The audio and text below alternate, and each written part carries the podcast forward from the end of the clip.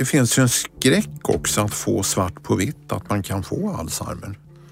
Det är många av mina kompisar som har dåligt minne. Mm. De säger att de skulle aldrig göra en minnesutredning. Nej, det är skrämmande. De flesta är nervösa naturligtvis när de kommer till, till mottagningen därför att de har...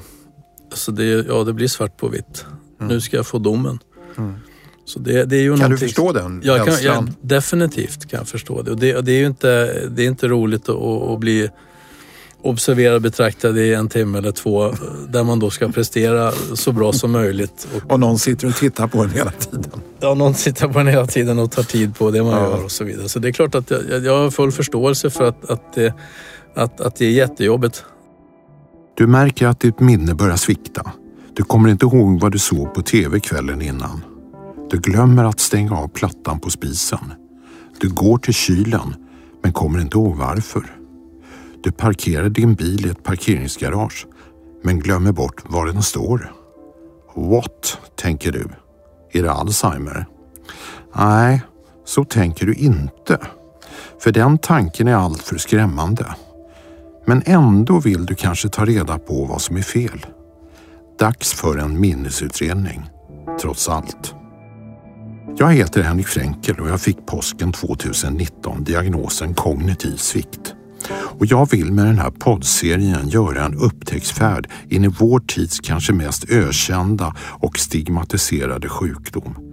Jag ska träffa människor som kan hjälpa mig att förstå den sjukdom som drabbar 20 000 svenskar varje år, som har funnits i över 100 år och som ingen överlever.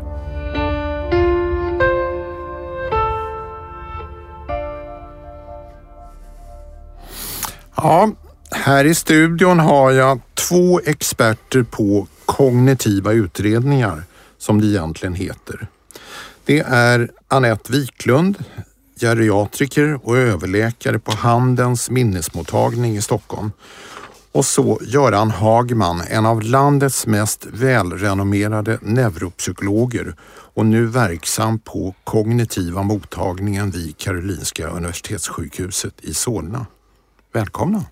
Tack. Tackar. Hur känns det att vara här? Ja, lite ovant. jag har aldrig varit här förut. ja. Eh, jag vill nog börja med dig Göran Hagman. Mm. Vad gör en neuropsykolog med några få ord? Han eller hon gör kognitiva utredningar på personer med olika typer av kognitiva eh, problem. Inom mm. psykiatrin, inom geriatriken, inom neurologin och så vidare. Mm. Men vad är ner neuropsykologi? Vad, vad är det för något? Neuropsykologi är så att säga eh, behandlar förhållandet mellan hjärna och beteende kan man kortfattat säga. Mm. Så försöker förstå hjärna och beteende utifrån olika typer av metoder. Så har man fel i hjärnan, då påverkar det beteendet? Ja, det mm. kan göra det. Eh, du och jag har ju träffats flera gånger på ditt jobb. Ja. Kommer du ihåg? ja, jo det gör jag. Kommer du ihåg när? Uh, ska vi se, jag tror att det var 2019. Ja.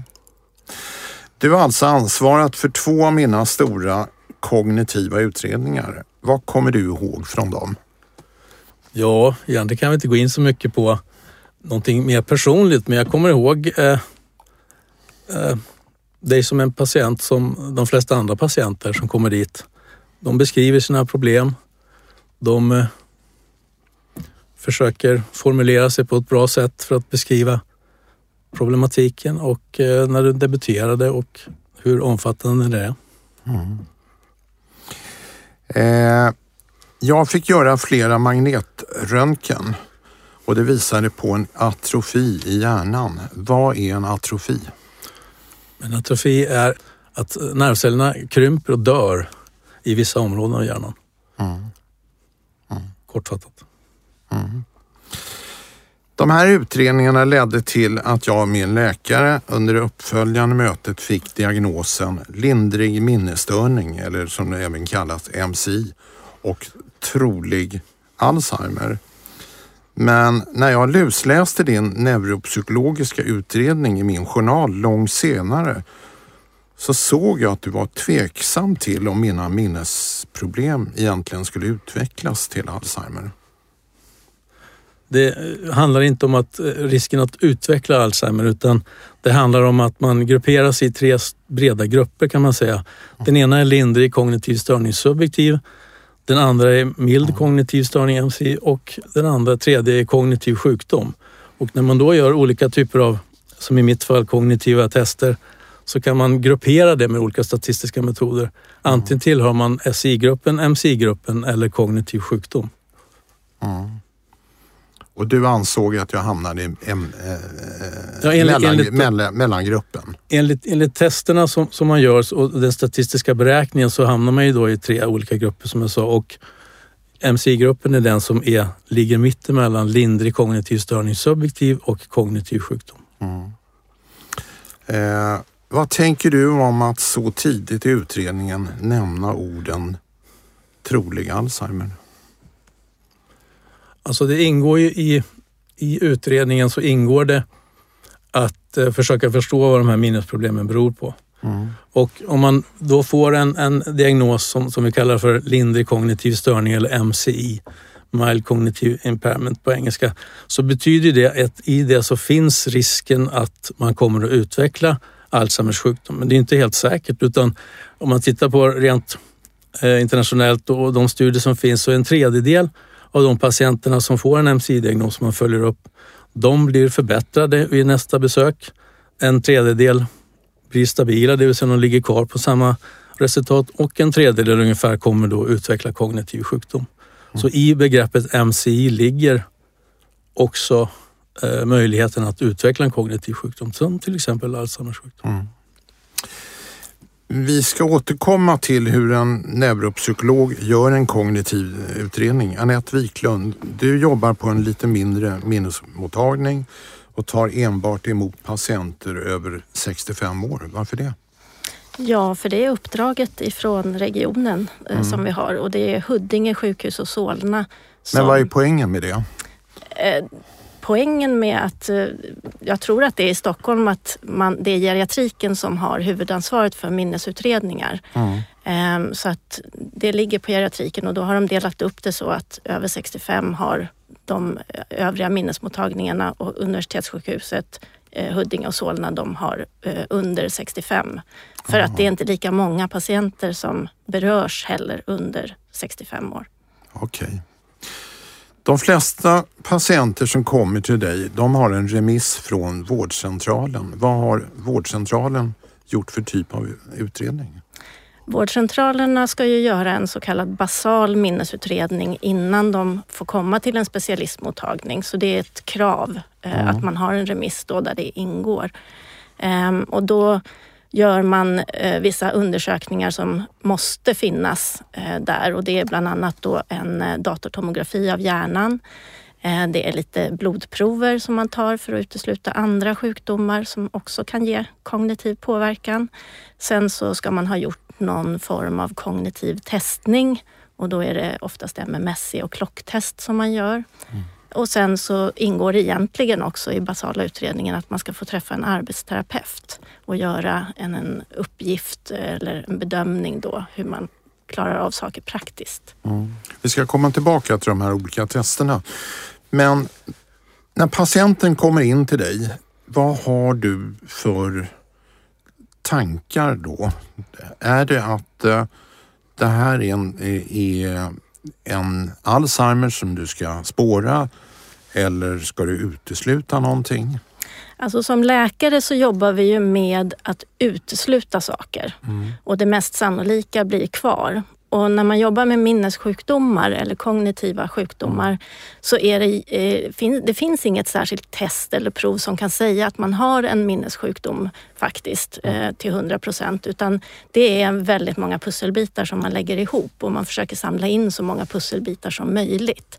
Eh, och där är ju alltid patienten och närståendes berättelse om hur, vilka symptom man har och så. Det är det som är allra, allra viktigast. Så Alzheimer är en uteslutning egentligen? Ja, alla minnessjukdomar är uteslutningsdiagnoser faktiskt. Eh, Så vad gör du med patienten när patienten kommer? Eh, På vår minnesmottagning så jobbar vi så att man får komma till läkare eh, och då vill vi alltid att man har en anhörig med sig om det går. som kan berätta också och fylla på. Eh, så att vi pratar mycket om symptom och vad de har för problem. Sen gör vi alltid om de här minnestesterna, eh, MMSC och klocktest för att kolla, för det kan vara länge sedan de gjordes i primärvården då mm. och det kan ha ändrat sig. Ibland är de bättre och ibland sämre när de kommer till oss. Ehm, och så undersöker vi patienten ehm, neurologiskt och lyssnar på hjärt och lungor och sånt. Sen bestämmer vi då hur vi ska gå vidare med utredningen. Eh, och då, är, då har man ju neuropsykolog eller arbetsterapeut att välja på. Och ibland så är det andra undersökningar som också tillkommer beroende på symptom som de har. Eh, och sen får de också, när de kommer, träffa sköterska och ta EKG och blodtryck och vikt och längd och sådana här saker. Och eh, kontrollera lite hur, hur det funkar med det dagliga livet. Så att säga. Mm. Vi kommer tillbaka. Men Göran Hagman, du är neuropsykolog mm. och van att tolka de olika minnesutredningarna som en patient får genomgå. Så vi kan väl gå igenom dem här. Jag tror att många som har gått igenom en minnesutredning egentligen inte riktigt förstår vad de har gjort och, och, och vad, vad, ni kan utläsa. Mm. Om vi börjar med det absolut enklaste och det är när jag hamnade hos min allmänläkare så fick jag räkna 100 minus 7 i steg neråt. Vad, vad ville läkaren med det? Alltså det testet mäter ju dels räkningsförmågan naturligtvis, vilket ju självklart. Mm. Men också förmåga till arbetsminne kan man kalla det, hur man bearbetar information. Eh, det är ju inte enkelt att göra det baklänges, enklare framlänges. Så att, är det här en signal?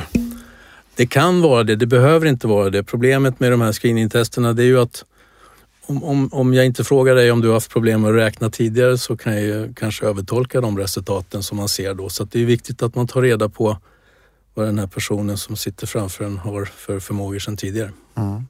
Och så kommer vi till det test som jag tror de flesta känner igen och det är klocktestet. Mm. Ja, man ser, det finns ju olika typer av klocktest men, men om det är det du refererar till som är mockatestet så får man ju då börja med, man får instruktion att man ska rita en klocka och man ska sätta ut siffrorna och sen så ska man då placera visarna så att de indikerar 10 över 11. Mm. Och det här mäter ju då förmåga till uppmärksamhet. Du måste lyssna på instruktionerna. Du måste också veta hur en klocka ser ut, hur den fungerar och hur visarna är placerade. Så att det mäter egentligen ganska många funktioner och klocktestet är ju en av de traditionellt vad ska jag säga, populäraste testerna som finns över hela världen. Mm. Jag stötte på det första gången på Sabbatsbergs sjukhus där jag gjorde den första utredningen. Och jag föll på den i en av utredningarna och det var otroligt pinsamt. Men sen kommer vi till MMSE-testet. Vad är det? Minimental State Examination, som mm. Minimental Test på svenska. Och det är ett screeningtest som utvecklades 1974, så ganska länge sedan. Mm. För att då försöka avgränsa sjukt från friskt helt enkelt. Eller indikera någon form av misstänksamhet mot att det skulle vara någon sjukdom på gång. Och vad är det man spårar där? Alltså det, det är ju väldigt många eh, det är ju 30 poäng kan man ha och det viktigaste testet där skulle jag säga är minnestestet. När man läser upp tre ord som man då ska lägga på minnet och få återge efter en kort eh, eh, fördröjning. Och sen för, återkommer det? Gör inte det? Alltså först får man eh, lyssna på tre ord mm. och sen så får man upprepa dem och sen så får man då vänta någon minut på en fördröjd återgivning. Så det mäter ju en, en grundläggande minnesförmåga kan man säga. Mm på ett enkelt sätt. Men det är ett av testerna, det är väl att rita av en kub? Är det inte mm. det? Och du, vad mäter det? det? det? mäter vad man kallar för visokonstruktiv förmåga, alltså förmågan att kunna då analysera den här kuben och eh, rita upp den, analys och syntes helt enkelt. Och vad säger det om mina kognitiva förmågor? Alltså, man kan inte överdriva naturligtvis återigen här på samma sätt som med mm. den här räkneuppgiften. Så, så det finns ju personer som likt de som har svårt att läsa och skriva dyslexi också har svårigheter att räkna och mm. konstruera saker, eller rita saker. Men i, normalt sett så kan de flesta friska personer ändå klara den typen av uppgift. Så att alla de här screeningtesterna är ju till för att försöka fånga in grundläggande koncept så att säga och sen så får man ju gå vidare med det. Och så har vi mockatestet. Eh, ge några exempel på vad som finns i ett mockatest. Mm, det är ett lite nyare test eh, som, som eh, fyller samma funktion som det här MMSE-testet som vi Mm. pratar om. Och det är också 30 poäng. Men här har man då lagt till en del andra svårare uppgifter. De ska inte vara för svåra men de ska vara lite svårare än de här MMS-uppgifterna. Så att det man mäter där är ju då visuospatial förmåga, alltså rumslig förmåga. Exekutiva förmågor som planering och, och eh, analys och problemlösning. Benämning av till exempel olika djur. Man läser också upp, i det här fallet inte tre ord utan fem ord. De får man höra två gånger. Och de ska man också då kunna återge vid en fördröjd återgivning. Man mäter uppmärksamhet, kanske genom att räkna baklänges med siffror eller framlänges. Man upprepar helt enkelt en siffersekvens. Och det mäter också den här subtraktionsuppgifterna som man drar 100 från 7. Det är, räkn- det är ju då uppmärksamhet också, arbetsminne. Mm. Och sen är då abstraktionsförmåga där man då ska tala om likheten mellan två olika saker. Mm. Och sen är det då fördröjd återgivning och orientering. Så det här är ett ganska bra test. Det är, det är bättre i alla fall på att fånga upp svårigheter än MMSI-testet. Och det är också därför man har utvecklat det. Anette, eh, om jag gör det här. Jag själv eh, hade 25 poäng i två tester. Vad säger det Alltså det, för dig som läkare? Ja, det, det säger att man har en ganska god funktion i alla fall så att man kan klara av en neuropsykologisk testning. Så att det här använder ju vi som screening. Så det är ju inget vi ställer diagnos på för det mesta om man inte har väldigt, väldigt dåligt resultat. Eh, Men har man lite högre poäng så kan man aldrig dra några slutsatser utan då går vi ju vidare och testar hos neuropsykolog eh, där de har mycket mer omfattande testning på de olika kognitiva domänerna, alltså de olika funktionerna i hjärnan. Det jag fick höra det var att med min utbildning så borde jag ha en högre poäng.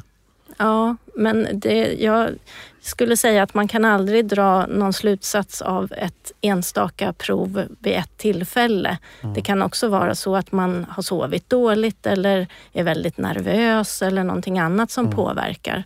Eh, Så att det, för oss är det bara en typ av screening så att vi ska veta hur vi ska gå vidare i, i minnesutredningen. Och det är ju samma sak på vårdcentralen, att det är en, en form av screening. Vilka ska vi skicka vidare till minnesutredning? Som jag kommer ihåg det så var jag väldigt stressad. Är det meningen att det ska finnas en stressfaktor i det här? Nej, det ska ju vara så lugnt som möjligt. Eh, Så då är det ju viktigt också att man förklarar för patienten att det här går inte på tid och man har tid på sig att tänka och sådär. Så att man försöker att skapa en lugn stämning så att man inte är stressad själv också för att då påverkar man ju patienten. Göran, jag skulle räkna så många ord som möjligt som börjar på, vad var det, B eller F eller, kommer du ihåg? Ja just det, det, Ja. det kallas för ordgenerering och eh, det, det är ett test som då mäter förmågan att, att på en minut eh, säga så många ord som möjligt helt enkelt på en viss bokstav. Jag är journalist. Eh, Bokstäverna är mina kompisar. Mm. Men jag tror att jag klarade fem, sex ord. Sen slog det slint i huvudet. Vad säger det? Egentligen behöver det inte säga så mycket. Som, som, eh, som redan sagt, här, ett test säger inte så mycket utan det är liksom helheten som gäller. Och om, man då skulle ha gjort om det här testet eh, för någon som då plötsligt, det är inte ovanligt att man blir blockerad. Om man då skulle prova att göra om det här testet igen så kanske det skulle visa någonting annat. Så att det är också viktigt att, att, att förstå att det här är en enstaka händelse och att, att det är fullt naturligt att man blir blockerad. På samma sätt som att man kan bli blockerad när man får en fråga som man inte var förberedd på. Eh, Anette, eh, okej, man har gått igenom mocka-testet, alla de här testerna. Eh, vad gör man nu med mig som patient? Men, menar du efter neuropsykolog? Ja, Ja, för hos neuropsykologen använder man ju inte mocka direkt, inte hos oss i alla fall, utan de har andra tester. Eh, för mocka är också ett screeningtest. men i Solna gör man det. Mocka. Eh, Mocka gör man eh, på läkarbesöket men eh, när man träffar en, en psykolog så gör man då eh, mer omfattande tester som tar kanske från en till två timmar. Okej. Mm. Ja. men berätta om dem då. Vad, vad gör man då? Ja, eh, eftersom det nu handlar om, om framförallt minnes, eh, en minnesutredning så är det minnestesten som, som är framträdande i det hela. Och det man vill titta på är framförallt det som man uh, tänker sig en tidigt drabbade områden eller domäner, det handlar om uppmärksamhet, minne, koncentration, mm. mental snabbhet och så vidare. Och eh, de testerna vi gör då, det bygger på minnestest så att man läser upp 15 ord fem gånger. Och för varje gång som man har läst upp de här orden så får man återge så många ord som möjligt. Det är så själva inlärningsfasen. Och sen så efter en halvtimme då ungefär så är det en fördröjd återgivning och då får man då återge de ord som man kommer ihåg. Och det här är en av de, de mest så säga, kraftfulla testen för att upptäcka minnessjukdom. Och det finns väldigt mycket skrivet om det, finns mycket data. Så det och säger hur, väldigt mycket. hur många ord bör man komma ihåg? Ja, det, det beror lite grann på.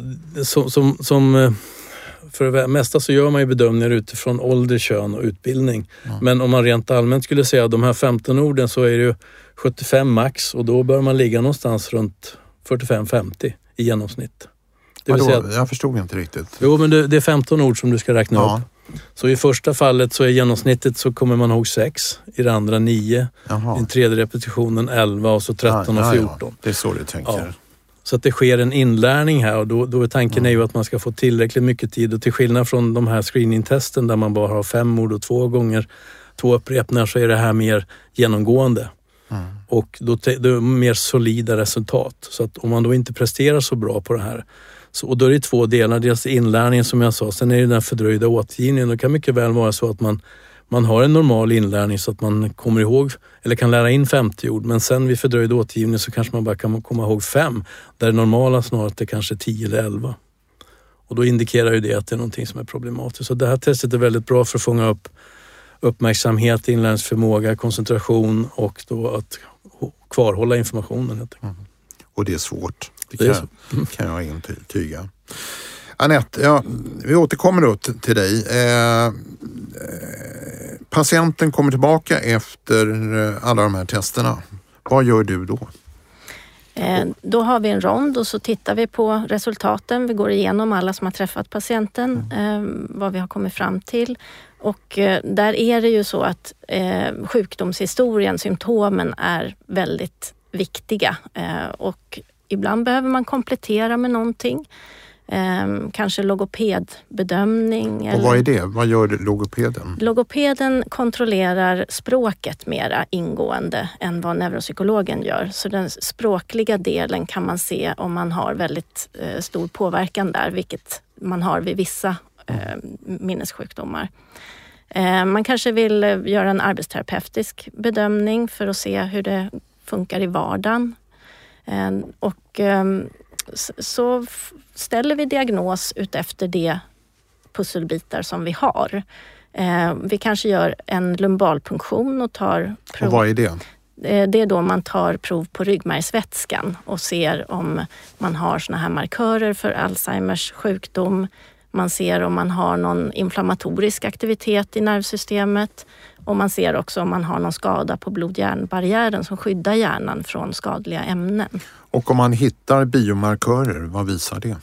Ja, i, i dagens läge så är de lite mer säkra eh, att lita på. Eh, men de är ju inte hundraprocentiga tyvärr. Men har man påverkan på de här Alzheimer-markörerna då som det kallas för så är det ju mest troligt att det handlar om en Alzheimers sjukdom eller en Alzheimers demens. Mm. Eh, Göran, ni är många i teamet som gör den slutliga bedömningen. Vi börjar närma oss slutet på en utredning. Mm. Hur tungt väger dina ord som neuropsykolog? Jag skulle säga att det väger ganska tungt. Det är ju tre delar som, som redan har sagts här som man, som man eh, själva tre pelare det som det vilar på. Det är kognitiv testning och det är ryggmärgsvätskeprovet och det är en magnetkamera eller datatomografi på, på volumetrin som man tittar på. Och av de tre sakerna så väger naturligtvis den kognitiva bedömningen ganska tungt eftersom patienten kommer och säger att man har minnesproblem. Men har man då minnesproblem enligt de här kognitiva testerna som då jämförs med olika normer utifrån ålder och kön och så vidare. Mm. Så väger det ganska tungt. Men om de här eh, pelarna pekar åt lite olika håll då? Mm. Ja, det är inte ovanligt att det är Nej. så. Då blir det naturligtvis svårt att, att ställa en, en korrekt diagnos och då hamnar man ju ofta i så att säga, det här mellanfältet kan man säga som då är MC eller mild cognitive impairment. Och då är det då, som jag sa tidigare, det är ju tre olika utfall som är möjliga här. Antingen så blir man förbättrad när man kommer tillbaks kanske inte så jättemycket men det är i alla fall lite bättre eller så är man kvar på samma nivå eller så kommer man då försämras. Och eh, då kan man ju då tillsammans med de här ryggvätskeproven och även eh, magnetkameraundersökningar sluta sig till att det förmodligen handlar om, man kan ju inte säga exakt, men att förmodligen så handlar det om en kognitiv sjukdom som mm. Alzheimer till exempel. Så Anette, när är du mogen för att nämna ordet Alzheimers sjukdom? Eller trolig? Ja, alltså då är det ju skillnad på Alzheimers sjukdom och Alzheimers demens. Mm. Så att vi måste mm. skilja på de två sakerna. Och vad är skillnaden menar du? Eh, har man Alzheimers sjukdom bara, utan demens, då, då är man på lindrig kognitiv störningnivå, alltså MCI. Eh, och eh, då har man inte den här eh, kraftiga funktionsnedsättningen i vardagen som innebär att man har gått över till eh, demensnivå så att säga. Men, eh, men Göran nämnde tidigare att MCI är ju inte Alzheimers sjukdom. Det kan utvecklas till det. Men det behöver inte vara det? Nej, det kan utvecklas till Alzheimers demens. Eh, alltså Alzheimers sjukdom, om du har positiva markörer för mm. Alzheimer och du ändå inte är på demensnivå i testning, eh, så då är det en Alzheimers sjukdom. Och sen, Men om man inte har de här markörerna? Ja, då, då är det en lindrig kognitiv störning eh, som, som man får sätta som diagnos och så får man fortsätta att följa patienten precis som Göran säger. Eh, och hos oss så gör vi inte ryggmärgsvätskeprov rutinmässigt på alla utan mm. vi gör det på de som vi misstänker demenssjukdom på. Eh, och sen fortsätter vi att följa de som landar i lindrig kognitiv störning. Mm. Hur säker är du när du, när du sätter diagnosen Alzheimers sjukdom? Um, ja, det beror ju lite på uh, vilken typ av patient det är. Mm. Uh, för när man har markörer så kan man vara relativt säker ändå uh, att det handlar om det. Men vad betyder relativt? Ja, alltså det finns ju... För en patient så är det ganska viktigt. Absolut. Uh, men det finns sådana som andra sjukdomar som till exempel vid frontallobsdemens eller Lewy body demens så kan man också ha påverkan på de här markörerna till mm. viss del. Som jag sa förut så är de inte specifika till 100 procent. Mm. Eh, så att det är det som är knepigt med minnessjukdomar. Att det, det, är liksom, det finns inga klara eh, liksom nivåer eller så. Att det här är en Alzheimer och det här är en eh, frontallobsdemens. Så det kan skilja sig åt från individ till individ också. Eh, och alla har inte samma påverkan på alla markörer. Så att mm. det är en sannolikhetsdiagnos där man också måste titta väldigt mycket på symptom och anamnes. Hur det har utvecklats, när det började, har det kommit smygande eller trappstegsvis symptomen och sådana saker. Mm. Och då får man, ju fler pusselbitar och ju bättre anamnes man har tagit, alltså sjukdomshistoria, eh, så desto närmare kommer man rätt diagnos. Och ibland så måste man följa patienten över tid så att man inte Eh, ställer en diagnos på en gång utan man måste se hur det utvecklar sig för att kunna ställa en diagnos. Mm. Göran, eh. Oskar Hansen i Malmö, professor Oskar Hansen i Malmö som jobbar just med eh, biomarkörer fast i blodet. Eh, han hävdar att 30 till 50 procent av alla Alzheimer-diagnoser är fel, felaktiga, positiva och negativa. Uh, vad tänker du om det? Och tänk, först och främst tänker jag på, på det som Anette sa också, att det är svårt att ställa diagnos om man inte har, eh, och som du själv var inne på, om inte alla de här tre sakerna pekar i samma riktning så kan det vara väldigt svårt att ställa den diagnosen. Och, men jag skulle säga att idag känns det nog mer tryggt att, att ändå att vi är inne på rätt spår än som kanske var för 20 år sedan eller 30 år sedan. Men fortfarande 30 till 50 procent? Ja, det är mycket.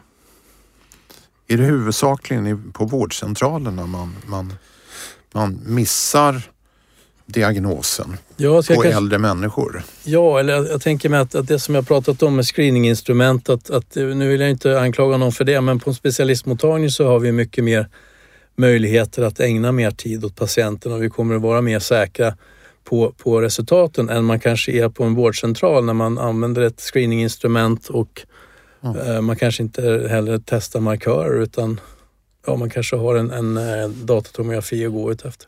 Men jag, jag skulle tro att det var vanligare förr än nu kanske. Men det är ju bara en bråkdel av patienterna som kommer till er. Till en Mm. minnesmottagning egentligen. Så att de flesta sorteras ut på vårdcentralen. Ja, Det beror nog lite på också var man bor i landet. Eh, här i Stockholm så är man ganska bortskämd med att det finns väldigt många minnesmottagningar så att Okej. många kommer till specialistmottagning som kanske egentligen skulle ha kunnat satt diagnos i primärvården. Göran, när jag frågade min läkare om hen var riktigt säker på min diagnos så fick jag svaret att det vet vi läkare först vid en obduktion. Är det så illa att det är först då man vet det? Alltså, att, att, ja, att veta, om man nu med veta menar att man får en, en eh, fullkomlig visshet, Ja, så är det visserligen så. Men eh, som Anette har pratat om tidigare också, så när, när allting pekar i samma riktning så kan man ju, det handlar ju om en sannolikhet. Och då kan man med ganska hög sannolikhet säga att det här faktiskt ser ut som en, eh, det man nu definierar som Alzheimers sjukdom till exempel. Eh, hur snabbt går det mellan misstanke och en färdig kognitiv utredning? Ja, När det, man har sökt till vårdcentralen och sen är, ja, är man igenom hela vårdkedjan. det beror nog alldeles också på var man bor någonstans eh, och vilken mottagning man jobbar på. Men eh, det tar ju några månader ofta i primärvården eh, innan man är färdig med, med den basala minnesutredningen. Och sen när man har skickat remiss så kan det vara så att det dröjer några månader också innan man får komma. Helst nu efter coronapandemin när vårdköerna har växt. Eh, Så att det, det är väldigt olika och vissa mottagningar har ingen väntetid alls. Medan andra har över år. Ute i landet är det ju så. Mm. Eh, Göran, mitt, mitt eget sjukhus, Karolinska i Solna, har anammat en holländsk modell om snabbspår. Kan du förklara det? Ja, snabbspår betyder eh, att man under en kort period, som i det här fallet hos oss, det tar fem dagar att, att komma fram till en diagnos. Och det är ju egentligen inget konstigt med det. Det handlar om logistik, att man har tillgång till en, en eh, magnetkamera till exempel. Att man eh, då utför en lumbalpunktion när man tittar på ryggmärgsvätskan och att man genomför en, en eh, relativt genomgripande minnesutredning. Och det, det är ju liksom inget konstigt med det. Det bygger på alla ställen så bygger det på de här tre delarna. Och det handlar väl mest om logistik och och framförallt så är ju problemet att kanske få tid till att göra en magnetkameraundersökning. Det är långa köer där på vissa ställen. Så det, det är en flaskhals. Och sen att man kanske inte gör lumbalpunktioner på alla ställen heller. Men, men, men om man har tillgång till personal och vet vad man ska göra så kan man göra det ganska snabbt och det påverkar ju inte på något sätt egentligen diagnostiken utan det, det ska ju, diagnostiken ska ju bygga på samma principer. Att man ska känna Men sig... en vecka är ju väldigt kort tid. Finns det en risk att det går för snabbt? Alltså egentligen inte. Därför att det, det, om, om resultaten som jag sa pekar i samma riktning så kan man vara ganska säker på att det här är åtminstone en kognitiv sjukdom. Eller att det här ser friskt ut. Sen problemet blir alltid den här mellangruppen. Och den kommer man ju följa. Alla de patienter som får en lindrig kognitiv störning, alltså en MC, de följs ju efter ett eller ett och ett halvt år. Där man då framförallt gör om en, en neuropsykologisk testning. Då kommer vi fram till digitala minnesutredningar. Eh, jag vet att eh, ni på KS, Göran, testade en modell när jag var där 2019. Jag var väl en av de första försökspersonerna. Hur träffsäkra är de här digitala minnesutredningarna? Så just det som vi, vi gjorde en studie på Karolinska, det bygger då på det här mockatestet. Och sen var det en, en eh, lite utvidgad modell. Och tanken var just att försöka titta på träffsäkerheten och det visade sig att överensstämmelsen var ganska bra med det digitala testet i förhållande till mockatestet. Men eh, naturligtvis så behöver man göra mer utredningar, mer studier för att säkerställa. För det är ju viktigt att man faktiskt, eh, som du säger, ökar träffsäkerheten där. Mm. Så att man inte får så många falska positiva och skrämmer upp människor. Därför att en viktig del i utredningen är ju att få träffa patienten. Om man gör en, en, eh, en utredning i hemmet eller någon annanstans så har man liksom ingen kontroll över hur det görs. Och man får inte den här observationen som är också en viktig del i en utredning. Det är inte bara testerna i sig utan det är också observation och ett, ett möte med patienten som är det viktiga. Mm. Men hur går en digital testning till? Hur ser vårdkedjan ut med digitala tester? Anette? Ja, det är ju så att man eh, då går in på nätet och eh, loggar in med BankID och sen så får man svara på några frågor som screening eh, som då indikerar om man ska gå vidare eller inte. Och mm. Det är sju olika frågor som tar upp problem då som man kan ha. Eh, och sen så får man ju fylla i då anamnes, sjukdomshistoria och en ganska omfattande eh, frågeformulär då om vad man har för besvär och om man också har tecken till depression eller utbrändhet och sådana saker med olika skattningsformulär. Mm. Eh, och sen gör man då den här kognitiva testningen där det ingår, precis som Göran sa, att det bygger på mocka. Eh, så att det är olika delar då. Man pratar in ord, man får rita och man får svara på frågor och så.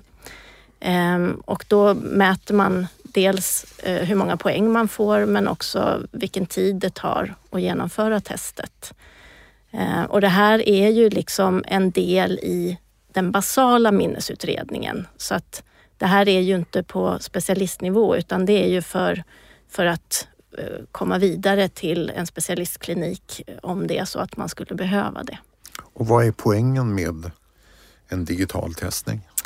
det är ju att kunna nå flera människor eh, i och med att det också kommer bli ett ökat intresse för minnesutredningar eh, när den här nya medicinen kommer och så, så kommer det bli en anstormning tror vi. Och då kommer digitala minnesutredningar att underlätta väldigt mycket för människor att komma till vården. Eh, och det är också lite stigmatiserat det här med minnesutredningar så folk kan uppskatta att man slipper gå till vårdcentralen för att man tycker att det är pinsamt eller jobbigt på något sätt. Mm. Eh, så att då kan man göra det hemifrån. Mm. Du nämnde det här med bromsmedicinerna som är godkända i USA och som eventuellt kommer bli godkända i Europa och eh, i Sverige. Hur kommer det påverka tillströmningen av patienter? Jag tror att det kommer öka eh, markant. För att? Ja, för att man, det är ju så att den här medicinen ska man ta i väldigt tidigt skede mm. för att den ska ha någon effekt. Så att då vill man ju hitta sjukdomen i tidigt skede mm. och då söker man också tidigt. Mm. Den här, de här digitala minnesmottagningarna de knyts ju till den offentliga vården och betalas med en patientavgift. Blir det ungefär som i Kry och doktor.se eller vad tänker du? Hur då menar du? Ja, att man gör det i hemmet men att det är betalat via det offentliga. Mm, ja, det är ju så idag att det är mm. offentlig vård så att man kan söka var man än bor i landet så kan man göra en digital minnesutredning med vanlig patientavgift. Okej. Okay. Eh, hur tror du att det här kommer påverka köerna till minnesmottagningarna? Och har ni kapacitet att ta emot alla? Eh, jag tror att det kommer att påverka eh, kön väldigt mycket. Och I samband med att man också kommer att, att, kunna ta fram, vilket man redan kan, man kan ta fram samma sak som i, i spinalvätskan så kan man ta fram de här markörerna i blodet som jag pratat mm. om. Och det kommer naturligtvis att, och, och, eh, som Anette säger också, att vetskapen om att det eventuellt finns ett botemedel eller åtminstone någonting som lindrar sjukdomen så kommer det naturligtvis att göra att många människor vill öka tillgängligheten för minnesutredningar så jag tror att det kommer att öka. Men jag tror inte att vi är riktigt förberedda på det kanske. Nej, jag tänkte säga det. Har ni kapacitet för det? det är en svår fråga. Det är en politisk fråga snarare. Men, men om, om det finns ett behov. Men vad säger du? Ja, jag säger att, att eh, vi har ju, idag så har vi 400 patienter per år ungefär på Karolinska Solna. Det betyder att vi har ungefär nio patienter i veckan. Och det är ju ungefär det som vi, med, med den personal som finns, som, mm. som vi mäktar med. Mm. Okej. Okay. Så vad skulle du vilja säga till politikerna? Ja, jag skulle vilja säga att man, att man kunde satsa på de möjligheter som finns för att eh, besvara människors frågor. Men minnes, upplevda minnesproblem är ganska vanliga, åtminstone när man börjar komma upp i 50 mm. och 60-årsåldern. När man frågar människor rakt ut så tycker de flesta att minnet är lite sämre och det, det, det är svårt att säga vad det, vad det står för egentligen. Men, men om man nu jämför när man var 20 år eller 30 år. Men det, det är ju en ganska vanlig åkomma, tänker jag, att människor upplever i en stressad värld eller i pandemin och allt de här i situationerna så upplever man helt plötsligt att man fungerar sämre. Mm. Och då vill man utreda det. Om det finns en ökad tillgänglighet så kan man åtminstone, tänker jag, med de här digitala metoderna utesluta sjukdom åtminstone. Om man ökar träffsäkerheten på de här testerna som vi pratar om överensstämmelse med hur det ser ut på en, en, en eh, minnesmottagning så kan man åtminstone ge goda besked till patienter som är oroliga. Mm. Och då behöver inte de söka sig vidare vilket betyder att det är en, en, en besparing för samhället också. Det är ganska dyra utredningar på en specialistmottagning. Mm. Jag nämnde i början olika exempel. Eh, man går till kylskåpet, kommer inte ihåg varför man går till kylskåpet. Eh, man sätter på duschen men kommer inte ihåg att man har satt på duschen och sådana saker. När tycker du, Anette, att man som person, privatperson eh, ska fundera på en minnesutredning? När är man liksom mogen? Ja, alltså jag tycker ju att man ska ha, alltså att det ger problem i vardagen för en. Mm. Att, att man glömmer. Um, för att, att gå in i ett rum och ha glömt vad man skulle göra där, det är normalt mm. skulle jag säga. Um, och det händer alla. Men när det börjar ge besvär i vardagen, att det påverkar ens vardagsfunktioner. Vad är det då? Ge några exempel. Ja, men det kan ju vara att man glömmer läkartider, att man eh, inte vet vad man skulle göra. Eh, till exempel, man eh, glömmer bilen, åker hem kommunalt istället. Sådana saker. Man stöter på en, en bekant, kommer inte ihåg vad han heter. Ja, det kan ju hända vem som helst också om det bara är en bekant. Eh, så, och, och, Det som är grejen är ju att när det börjar hända sådana saker och man är väldigt uppmärksam på det, då mm. blir man orolig och så blir det som en ond cirkel mm. och så uppfattar man de här sakerna mycket mera. Så man bekräftar sin egen oro hela tiden. Mm. Eh, så att många är ju oroliga just för sådana här lättare minnesproblem. Eh, medans de som kanske har kraftiga minnesproblem inte inser att de har problem och då blir, då blir det ett problem för att då söker man inte vård. Mm. Så att eh, det är svårt det där när exakt man ska söka vård. Men är man orolig så tycker jag ändå att man ska söka vård eh, för att se om det finns någon, någon nedsättning. För att det kan också lugna mm. eh, personen då i fråga. Mm. Eh, jag själv, jag eh, jag fick impulsen att gå på en minnesutredning därför att jag hade träffat en kompis som eh, hade varit på en minnesutredning. Så det sattes i huvudet på mig. Jag hade inte en tanke på att gå på en minnesutredning. Och sen gick jag till min husläkare och eh, gick igenom alla tester och så frågade min husläkare, är det något annat? Och då kom det där med, jag, jag tycker att jag har lite dåligt minne. Och det var så hela min karusell började. Så att eh, det kan ju börja utifrån ganska små minnesproblem egentligen. Så det, är, det är ju diffust. Vad, vad anser man vara ett stort problem eller inte? Man vänjer sig också vid att, att ha dåligt minne eller vara förvirrad. Mm. Vad tänker du om det? Eh, ja, det, det kanske man gör. Eh, men jag tänker också att högpresterande personer, alltså som du själv som är mm. utbildad journalist och sådär, där är det ju eh, att man kanske droppar från en väldigt hög nivå och så är man fortfarande ändå på en normal Mm. nivå. Och då, Men man, man upplever det väldigt jobbigt själv för att man har varit så väldigt högpresterande. Eh, och, och att man är mer uppmärksam då. Att man inte klarar exakt samma saker som man gjorde för 20 år sedan. Att man har, hög, man har höga krav på sig själv. Så kan det vara. Eh, å andra sidan, Göran, det finns ju en skräck också att få svart på vitt att man kan få Alzheimer. Det är många av mina kompisar som har dåligt minne. De säger att de skulle aldrig göra en minnesutredning. Nej, det är skrämmande. De flesta är nervösa naturligtvis när de kommer till, till mottagningen därför att de har... Alltså det, ja, det blir svart på vitt. Nu ska jag få domen. Så det, det är ju Kan du förstå den Jag kan, jag, definitivt kan jag förstå det. Och det, och det är ju inte, det är inte roligt att, att bli observerad, betraktad i en timme eller två där man då ska prestera så bra som möjligt. Och, Och någon sitter och tittar på en hela tiden. ja, någon sitter på en hela tiden och tar tid på det man Ja. gör och så vidare. Så det är klart att jag, jag- har full förståelse för att, att, det, att, att det är jättejobbigt. Men så, som Anette sa, det här kan man ju då med, med digitala verktyg så kan man ju åtminstone, man får ju tänka sig att på, på, vår mottagning så är ju hälften får ju ingen diagnos utan eh, vi hittar inga problem hos hälften av de personerna och de är ju i genomsnitt 56 år. Så det är också en åldersfråga. Och som svar på din tidigare fråga, om man börjar uppleva minnesproblem före 50 så är sannolikheten väldigt liten att det skulle vara allvarliga problem.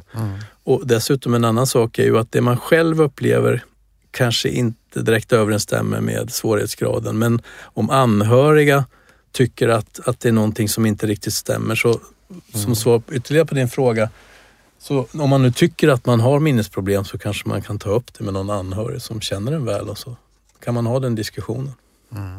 Men det är många som tycker att det är jobbigt också att, att erkänna det och man vill inte heller höra det från en anhörig naturligtvis. Nej.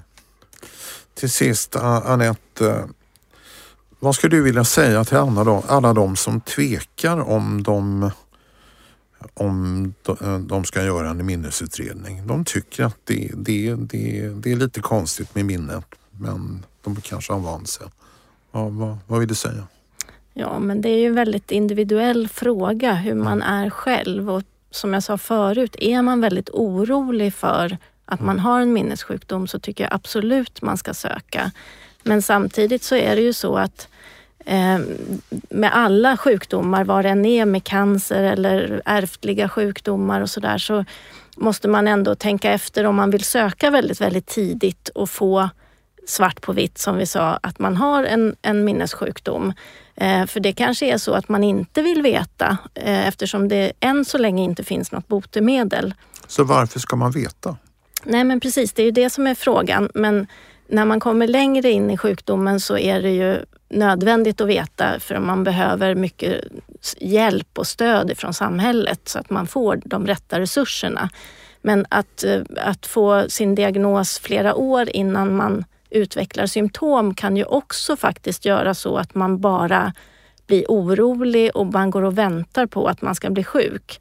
Och då får man kanske tänka att ja, men vill jag leva i lugn och ro och ta vara på livet utan att ha det där hängandes över mig. Ehm, för det, till exempel på den genetiska rådgivningsmottagningen i Solna så jobbar de ju väldigt mycket med rådgivning först. Vill man verkligen veta om man har den här sjukdomen ehm, av olika då ärftliga sjukdomar. Så att det där är ju väldigt individuellt hur man ställer sig till att man vill veta eller inte. Vad, vad till sist Göran, inom några år så kommer man införa blodtester, enkla blodtester. Det genomförs på försök i Skåne på 15 vårdcentraler med rätt goda, goda resultat. Vad tänker du om det? Ja, jag tänker det, är väl dubbelt naturligtvis. Det, är väl bra att man, man hittar nya metoder och enklare metoder. Det är ju inte alla människor som tycker att det är så roligt att få en, en nål i ryggen heller så då tar man hellre en nål i armvecket.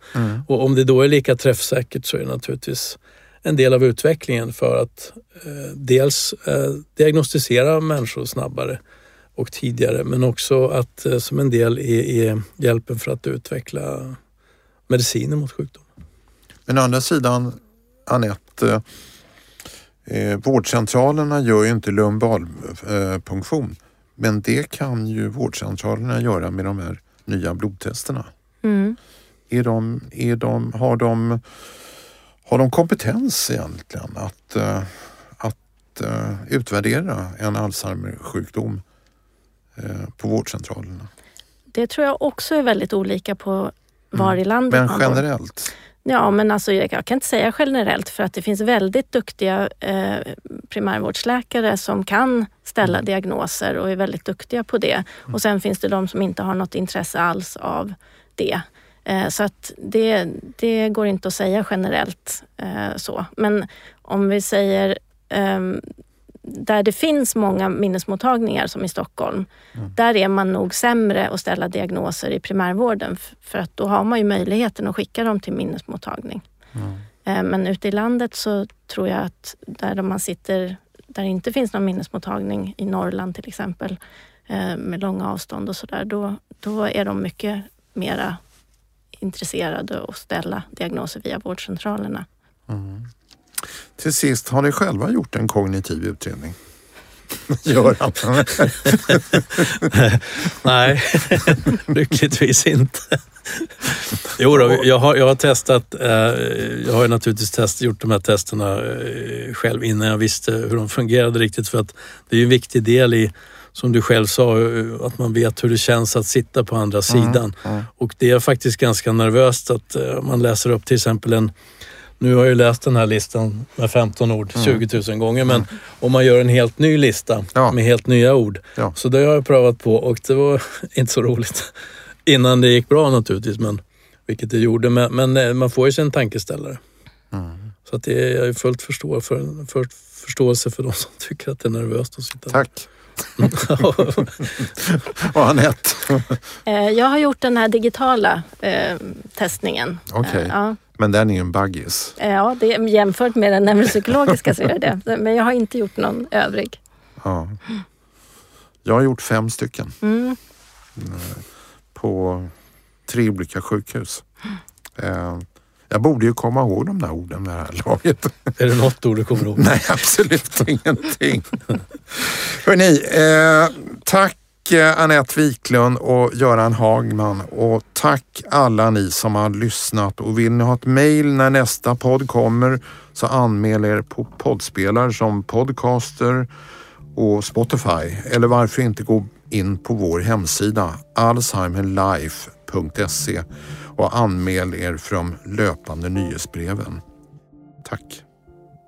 Det här avsnittet är gjort i samarbete med Geras Solutions och minnesmottagningen.se dit du som patient eller anhörig kan vända dig för hjälp med utredning hemifrån. Bloggen och podcasten Alzheimer Life har också en insamling till förmån för kognitiva sjukdomar. Ni kan hitta den på vår hemsida alzheimerlife.se och den görs i samarbete med Alzheimerfonden. Podden och bloggen produceras av stiftelsen Alzheimer Life och görs på Beppo. Beppo.